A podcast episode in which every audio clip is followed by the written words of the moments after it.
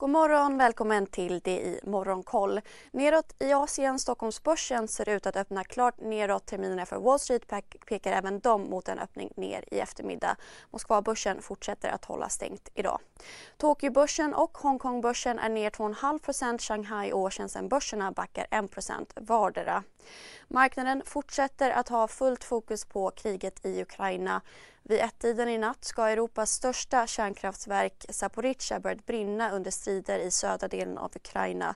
Runt två timmar senare meddelade chefen för anläggningen att situationen är under kontroll. Och igår kväll meddelade USA och Storbritannien att de riktar nya sanktioner mot ryska oligarker, deras familjer och andra offentliga personer. Sanktionerna innebär bland annat att man fryser deras tillgångar utanför Ryssland.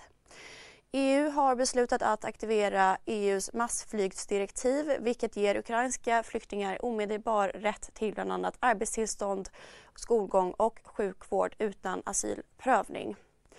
Ukraina och Ryssland ska ha kommit överens om en humanitär korridor för att kunna evakuera civilbefolkning och förse städer med livsmedel och mediciner efter samtal i regionen Brest i Belarus. Oljepriset föll tillbaka något igår men handlas fortfarande på höga nivåer. Bräntoljan kostar 112 dollar fatet. Med en värld i gungning blir det viktigare än någonsin med kunskap och diskussion. Att värna det fria ordet, för livet och demokratin. Så när du trodde att du visste allt, har vi alltid lite till. Privata affärer plus allt. All journalistik du behöver, samlad Prova en månad gratis.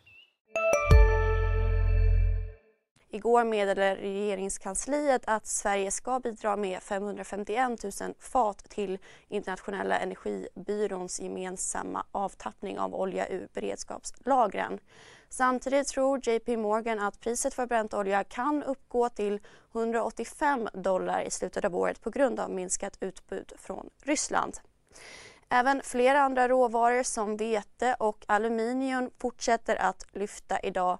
Enligt Bloomberg är det här bästa veckan för råvaror sedan 1974.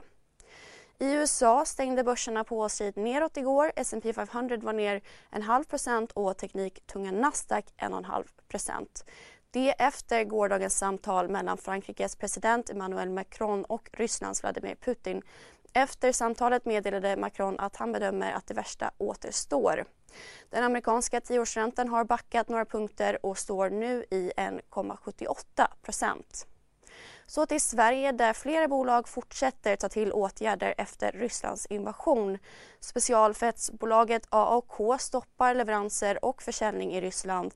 Alfa Laval pausar alla transporter till och från landet och bostadsutvecklaren Bonava stänger sin verksamhet i Sankt Petersburg. Under dagen så ser vi fram emot amerikanska jobbrapporten Non-Farm Payrolls. Missa inte heller Börsmorgon 8.45 och Börskoll klockan 14.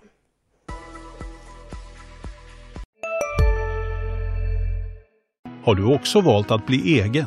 Då är det viktigt att skaffa en bra företagsförsäkring. Hos oss är alla småföretag stora och inga frågor för små. Swedeas företagsförsäkring är anpassad för mindre företag och täcker även sånt som din hemförsäkring inte täcker. Gå in på swedea.se företag och jämför själv. Hej, Synoptik här. Så här års är det extra viktigt att du skyddar dina ögon mot solens skadliga strålar. Därför får du just nu 50% på ett par solglasögon i din styrka när du köper glasögon hos oss på Synoptik. Boka tid och läs mer på synoptik.se. Välkommen!